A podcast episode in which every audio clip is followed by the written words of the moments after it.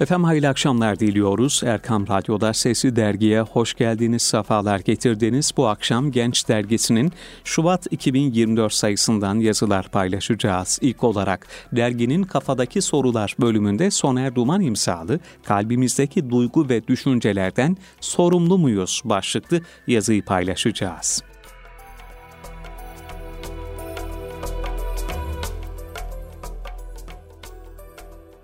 İnsan iç dünyasındaki şeylerden sorumlu mudur, değil midir? Şayet sorumluluk söz konusuysa bunu nasıl anlamak gerekir? Bu yazıda bu konuları ortaya koymaya çalışacağız. Bir önceki yazımızda Allah'ın içimizden geçenleri bildiği ve bunlara müdahalede bulunduğunu ortaya koymuştuk. Kur'an ayetlerine ve Allah Resulü'nün hadislerine baktığımızda kimi ayet ve hadislerde insanın iç dünyasında olup bitenlerden dolayı sorumlu olduğunu ortaya koyan ifadeler yer almaktadır. Buna karşılık Hz. Peygamber'in kimi hadislerinde ise insanın söze veya eyleme dökmediği sürece iç dünyasındaki duygu ve düşüncelerinden sorumlu olmadığı belirtilmektedir. Öyleyse insan iç dünyasındaki şeylerden sorumlu mudur, değil midir? Şayet sorumluluk söz konusuysa bunu nasıl anlamak gerekir? Bu yazıda bu konuları ortaya koymaya çalışacağız. Konuya ilişkin İslam alimlerinin bazı açıklamaları bulunmaktadır. Ancak ona geçmeden önce Kur'an'da ilk bakışta insanın iç dünyasında olup bitenlerden sorumlu olduğu hissini veren ayetlere temas edeceğiz. Bir ayette Rabbimiz şöyle buyurur. Göklerde ve yerdekilerin hepsi Allah'ındır. İçinizdekileri açığa vursanız da, gizleseniz de Allah ondan dolayı sizi hesaba çekecektir. Sonra dilediğini affeder, dilediğine de azap eder. Allah her şeye kadirdir.'' Bir başka ayette de Yüce Allah insanların içlerinden geçeni bildiğini ifade ederek şu şekilde hitapta bulunmuştur. Bilin ki Allah gönlünüzdekileri bilir. Bu sebeple Allah'tan sakının. Yemin etme meselesine ilişkin bir ayette Rabbimiz insanların kasıtsız yaptıkları ağızlarından kaçı veren yeminlerden dolayı sorguya çekmeyeceğini ancak kalbin kast ederek yaptığı yeminlerden dolayı sorumluluk olduğunu bildirerek Allah sizi kasıtsız yeminlerinizden sorumlu tutmaz. Lakin kalplerinizin kastettiğinden sizi sorumlu tutar buyurmaktadır. Bir hadisinde Peygamberimiz şöyle buyurmuştur. İki Müslüman birbirine kılıç çekerek karşı karşıya geldiğinde ve vuruştuklarında ölen de öldüren de ateştedir. Sahabe şunu sordu. Öldüreni anladık da ölen kişi niçin ateşte oluyor? Peygamberimiz şöyle cevap verdi. O da kardeşini öldürme konusunda hırslıydı. Bu hadis öldürme fiilini gerçekleştiremediği halde bunu hırsla istemiş olması sebebiyle ölen şahsın da sorumlu olduğunu, dolayısıyla kalpteki duygu ve düşüncenin sorumluluğa engel olmadığını göstermektedir. Bu ayetler ve hadisler herhangi bir yoruma tabi tutulmaksızın düz bir mantıkla okunduğunda insanların iç dünyalarındaki düşünce ve duygulardan hesaba çekilecekleri anlaşılmaktadır insanın iç dünyasındakilerden sorumlu olmadığını ifade eden hadisler. Konuya ilişkin kimi hadislerde Hz. Peygamber sallallahu aleyhi ve sellem söze veya eyleme dökmediği sürece insanın içinden geçenlerden sorumlu olmadığını ifade etmektedir. Bu hadislerden birinde Hz. Peygamber şöyle buyurmaktadır. Eyleme dökmedikleri ya da konuşmadıkları sürece Allah ümmetimin içinden geçenleri bağışlamıştır. Allah Resulü bir hadisinde buyurmuştur. Allah iyilikler ve kötülükleri yazmış ve sonra da bunları beyan etmiştir.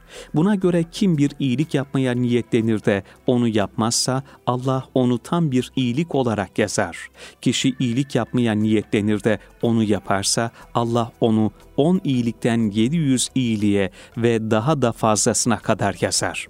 Kim bir kötülük yapmaya niyet eder de onu yapmazsa Allah onu da tam bir iyilik olarak yazar. Şayet kişi kötülüğe niyet eder ve onu yaparsa o zaman Allah onu tam bir iyilik olarak yazar.'' Bu hadiste kötülüğe niyet ettiği halde onu gerçekleştirmeyen kimse için herhangi bir günahın söz konusu olmadığı, tersine bu kötülükten kendi isteğiyle vazgeçmesi halinde bundan sevap alacağı belirtilmiştir. Rivayete göre insanın içinde geçenlerden dolayı hesaba çekileceğini belirten ayet geldiğinde ashab-ı kiram son derece büyük bir sıkıntı hissettiler. Bazı sahabiler peygamberimizin yanına gelerek diz çöktüler ve şöyle dediler. Ey Allah'ın Resulü! Biz bu ayetle güç yetiremeyeceğimiz bir şeyle yükümlü tutulmuş olduk. Namaz, oruç, cihat ve sadaka tamam ama şimdi sana bu ayet indirildi ve biz bu ayette belirtilen şeye güç yetiremeyiz. Allah Resulü şöyle dedi. Yoksa siz daha önce kendilerine kitap verilenler, Yahudiler ve Hristiyanlar gibi işittik ve isyan ettik demek mi istiyorsunuz? Böyle yapmayın. İşittik ve itaat ettik. Rabbimiz bizi bağışla, dönüş sanadır deyin. Sahabi de bunu okudular, dilleri buna alıştı. Nihayet bunun ardından Yüce Allah şu ayeti indirdi. Peygamber Rabbi tarafından kendisine indirilene iman etti müminler de iman ettiler. Her biri Allah'a, meleklerine, kitaplarına, peygamberlerine iman ettiler. Allah'ın peygamberlerinden hiçbiri arasında ayrım yapmayız. İşittik, itaat ettik. Ey Rabbimiz, affına sığındık, dönüş sanadır dediler. Sahabe bu ayette belirtilen şeyi yapınca Allah önceki ayetin hükmünü yürürlükten kaldırdı. Daha sonra şu ayeti indirdi. Allah her şahsı ancak gücünün yettiği ölçüde mükellef kılar. Herkesin kazandığı hayır kendine, yapacağı şer de kendinedir. Rabbimiz, unutursak veya hataya düşersek bizi sorumlu tutma. Ey Rabbimiz, bizden öncekilere yüklediğin gibi bize de ağır bir yük yükleme. Ey Rabbimiz, bize gücümüzün yetmediği işlerde yükleme. Bizi affet, bizi bağışla, bize acı, sen bizim Mevlamızsın, kafirler topluluğuna karşı bize yardım et. Bu rivayet bizlere insanların içlerinden geçenlerden dolayı sorumlu tutulmalarına ilişkin hükmün kaldırıldığını belirtmektedir. Kalbe gelen bir düşüncenin eyleme geçmesinin aşamaları ve sorumluluk. Bütün bu ayet ve hadisleri birlikte değerlendiren İslam alimleri, insanın içinden geçen şeylerin bir bölümünden sorumlu olduğunu, bir bölümünden de sorumlu olmadığını belirterek meseleyi çözümlemeye çalışmışlardır. Onlar bunu yaparken iç dünyadaki duygu ve düşüncelerin hepsinin aynı olmadığını, aralarında farklılıklar bulunduğunu belirttiler konuya ilişkin en ayrıntılı açıklamaları İmam Gazali'nin İhya-u Ulumuddin adlı eserinde bulmaktayız. O, insanların kalbine gelen şeylerin bir takım kısımlara ayrıldığını, her birinin hükmünün farklı olduğunu belirtir.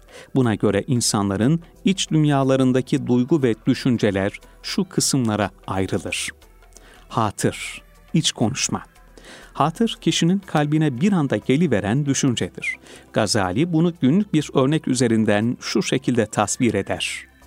Kişi yolda yürürken aklına bir anda geliveren, arkasında bir kadının olduğu, geri dönüp bakması halinde o kadını görebileceği yönünde bir düşünce hatırdır. Bu düşünce genelde kişinin kendisi içinde bir konuşması gibi olduğundan buna iç konuşma denilir. Örneğin arkamda bir kadın var şeklindeki düşünce böyle bir iç konuşmasıdır. Meyil Bu insan tabiatının harekete geçmesidir. Bu ilk hatırda meydana gelir. Örnek üzerinden gidersek kişinin arkasında var olduğunu düşündüğü kadına bakma isteği ve meylinin kendisinde oluşmasıdır. İnanç, itikat bu aşamada kalp, aklına gelen düşüncenin gerçekleştirilmesi gerektiğine hükmeder. Örnek olaydan hareket edersek, kişinin arkamda olan kadına bakmam gerekir diye kesin hüküm vermesi söz konusudur. Azim Bu aşamada kişi arkaya dönmeye azmeder ve buna niyet eder. Buna fiile yeltenme hem adı verildiği gibi niyet ve kasıt da denilir. Bunun başlangıcı zayıf olabilir ancak kalp hatıra kulak verdiği sürece nefsi ona doğru çeker ve artık kesin bir azim söz konusu olur. Bazen de kişi bir anda böyle bir azim ve niyete sahip olduğundan dolayı pişman olup aklına gelen düşünceyi yapmaktan vazgeçer. Yahut da araya giren bir engel sebebiyle o düşünceyi unutarak gerçekleştiremeyebilir.'' Akta gelen bir düşüncenin eyleme geçmesi için kalpte geçen dört aşama bu şekilde özetlenebilir. Bu aşamaların ilki olan hatır aşamasında herhangi bir sorumluluk söz konusu değildir. Çünkü bu kişinin kendi irade ve ihtiyarına bağlı olan bir durum değildir. İkinci aşama olan meyil de aynı şekilde sorumluluk dışıdır. Çünkü insan tabiatı bazı şeylere meyledecek bir özellikte yaratılmıştır.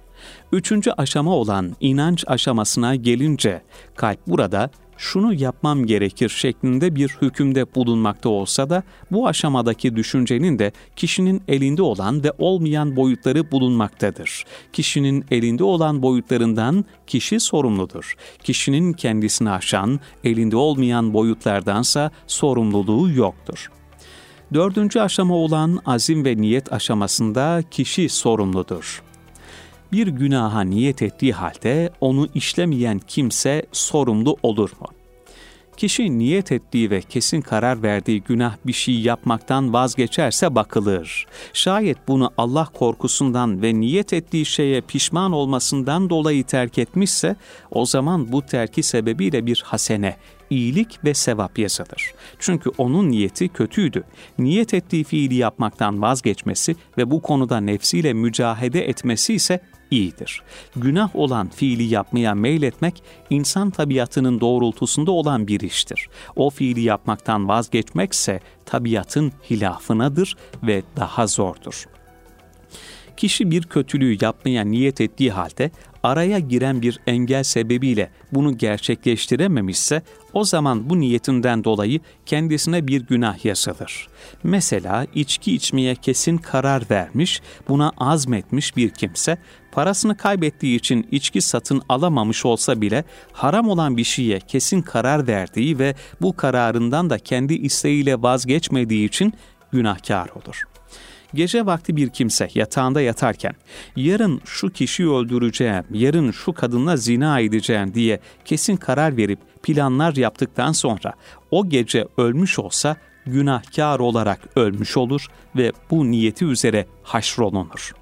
Kişinin aklına kendisi istemediği halde gelen düşünceler ve nefsinde o düşünceye karşı tabii bir meyli oluşmasıysa kişinin kendi iradesinin ürünü değildir.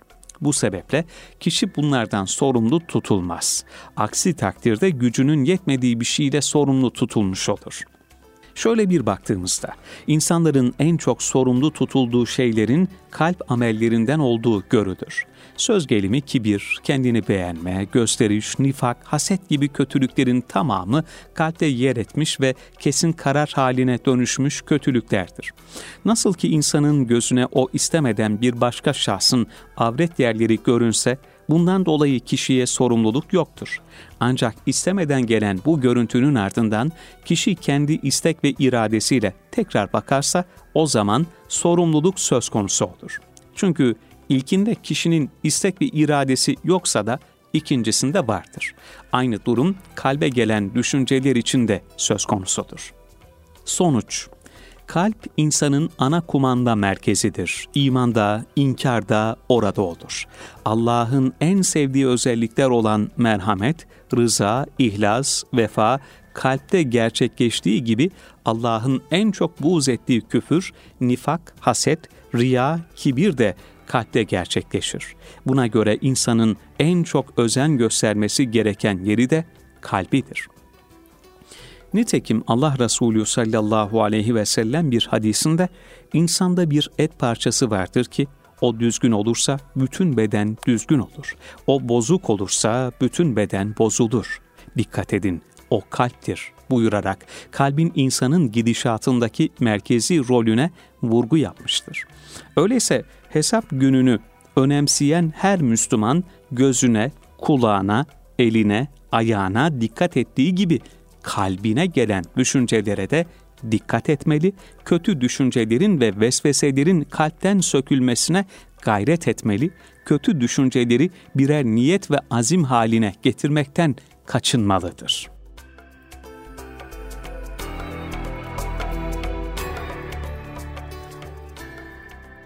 Değerli dinleyenlerimiz, Genç Dergisi'nin Kafadaki Sorular bölümünde Soner Duman imzalı kalbimizdeki duygu ve düşüncelerden sorumlu muyuz başlıklı yazıyı paylaştık.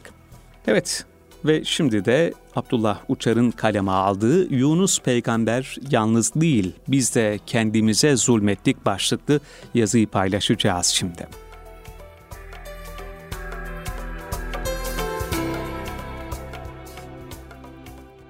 Bihi Hz. Yunus peygamberlikten istifa edip kaçmak için bindiği gemiden denize atılırken kahrolsun beni gemiden atanlar yerine ben kendime zulmettim demişti. Hz. İsa düşmanlarının zulmünden yakınmak yerine kendi arkadaşlarının imanındaki zayıflıktan yakındı. Sevgili Peygamberimiz Hz. Muhammed sallallahu aleyhi ve sellem zalimlerin zulmünden çok müminlerin sabır ve direniş ahlakını gündeminde tutmuştu. Kahrolsun bizi hasta eden, yoğun bakıma düşüren, öldüren mikroplar diye feryat eden bir enfeksiyon uzmanı, hastasına bütün suç kanser hücrelerinde Allah onları kahretsin diyen bir onkolog düşünülebilir mi? Depremlerde yıkılan binalar takdiri ilahi mi gerçekten? Kendi elleriyle demirinden betonundan çalarak inşa ettiği mezarların suçunu Allah'a atmaya çalışan biri hakkında ne düşünürsünüz?'' bir akıl tutulması sardı hepimizi. Düşüncemizin referanslarını gözden geçirmek anın vacibi. Hak gelince batıl zail olur diye öğrendik. Peki batıl zail olmuyorsa hakkın neden gelmediğini sorgulamalı değil miyiz? Başımıza gelen belalar batılı zail kılacak bir hak ortaya koyamamış olmamamızdan kaynaklanıyor olamaz mı? Müslümanlar insanlığın aklı başında akıl ve rüşt sahibi nevi şahsına münhasır ağır adamlar. Peki böyle insanlardan beklenen tavır oturup ağlamak, aşağıların aşağısına inmiş insan kılıklı canavarların zulmünü izlemek, buğz etmekte yetinmek olabilir mi? Öte yandan dökülen kana karşılık daha kahve keyfinden vazgeçememek, hamburgerlerinden, kolasından uzak duramamak, yani boğazını tutamamak 21. yüzyılın sağduyulu insanlarına yakıştı mı? Baklayı ağzımdan çıkarıyorum müsaadeyle. Biz kendimize zulmettik diyerek yeniden başlayalım düşünmeye sevgili okur. Biz neyi eksik, yanlış yaptık da insanlığın bağışıklığı azaldı, bu insan kılıklı canavarlar nasıl bünyemize sızdı, nasıl insanlığın bedenini sardı, hayatımızın her hücresine nasıl sindi diye soralım. Nasıl hayatlarımızın kontrolünü Birleşmiş Milletler'e, insan hakları ve benzeri sözleşmelerine, bunların vaz ettiği kar amacı güden ilke ve kurallara sorgusuzca teslim edebildik? Avrupa'nın birliği varken inancının merkezinde tevhid, birlik olanlar nasıl başardı 72 fırkaya ayrılmayı? İnsanı hayatta olmaktan utandıran Gazze'deki tarihi trajediden daha ağır başımıza ne gelebilir ki? Bu belayı Allah mı gönderdi yoksa biz kendi örgütsüzlüğümüzde kişisel hırslarımız ve ikbal arayışlarımızın rehavetiyle hayatı akışına bırakmışlığımızla bizzat kendi ellerimizde mi inşa ettik? Ağır gelebilir ama teşhisim şu. Gazze'de ve daha nice coğrafyalarda dökülen kan sadece zalimlerin eline bulaşmış değil. Bu konuda hilafet makamı yok edildiğinden beridir uluslararası birlik kuramayan, siyasetten anladığı günlük kavgalardan ibaret olan, uluslararası siyaseti üzerine konumlandıracak siyaset, ekonomi, eğitim felsefesi oluşturamamış, oluşturulanları da hayata yansıtmamayı tercih etmiş ümmetin eline de bu kan bulaştı. İngiliz ve Yahudinin birlikteliği ve bu birliktelikten doğan veledi zinalar ABD ve İsrail'de çağımızın zalimleri.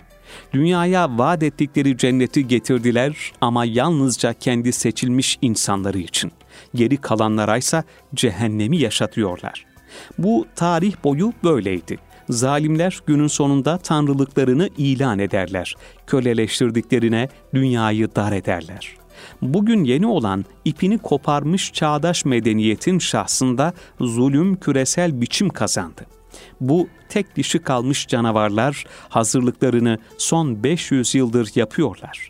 Önce felsefe sistemi kuruyor, sonra strateji kurumları oluşturuyor, stratejiler uluslararası örgütlenmeyle taçlanıyor, uluslararası örgütler hayatlarımızın detaylarını şekillendiriyorlar. Tarihin müjdesi şu, zalimler ilelebet yaşayacaklarını varsaydıklarında kurdukları düzenle birlikte yerle yeksan oldular. Hakikatse mazlumların tarafında duranlar eliyle var ola geldi. Nereden başlayalım?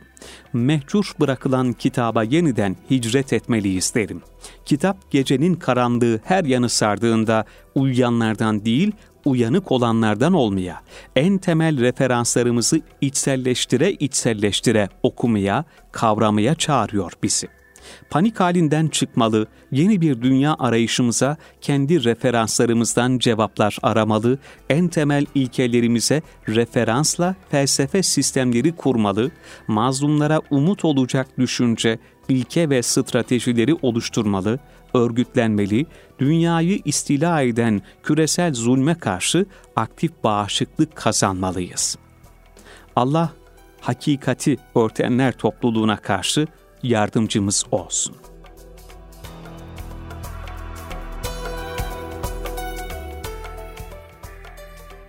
Abdullah Uçar'ın kaleme aldığı Yunus peygamber yalnız değil, biz de kendimize zulmettik başlıklı yazıyı paylaştık değerli dinleyenlerimiz. Son olarak Arzu Karabal imzalı Deruni başlıklı yazıyı paylaşarak veda edeceğiz programımızda sizlere.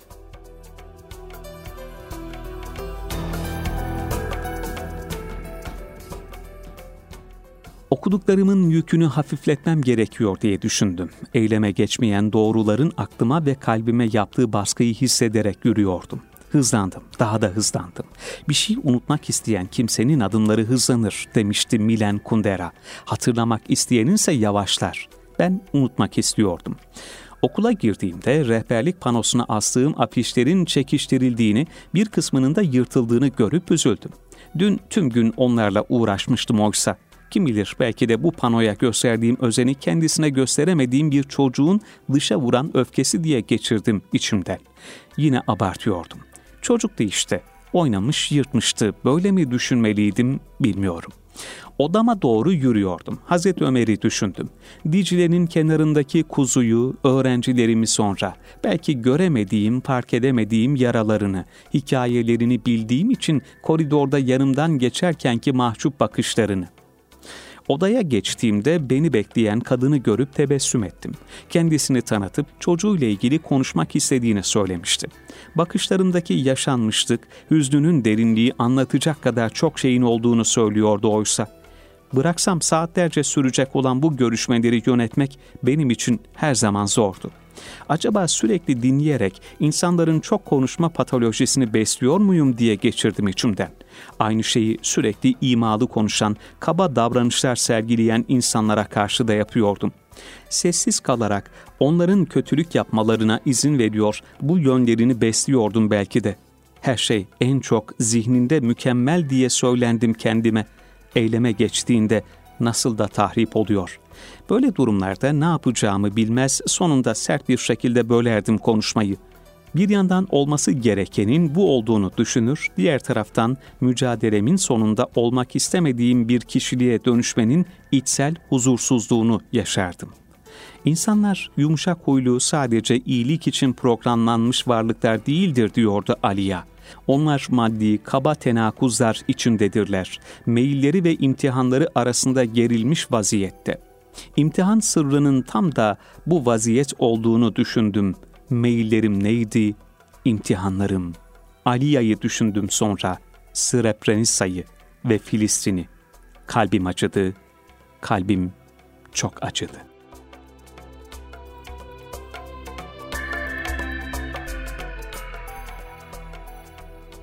Arzu Karabal imzalı Deruni başlıklı yazıyı paylaştık. Son olarak Sesi Dergi'de kıymetli dinleyenlerimiz. Böylelikle bu akşamlıkta bize ayrılan süreyi noktalıyoruz.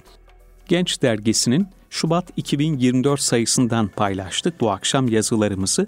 Geceniz hayır olsun, hoşçakalın.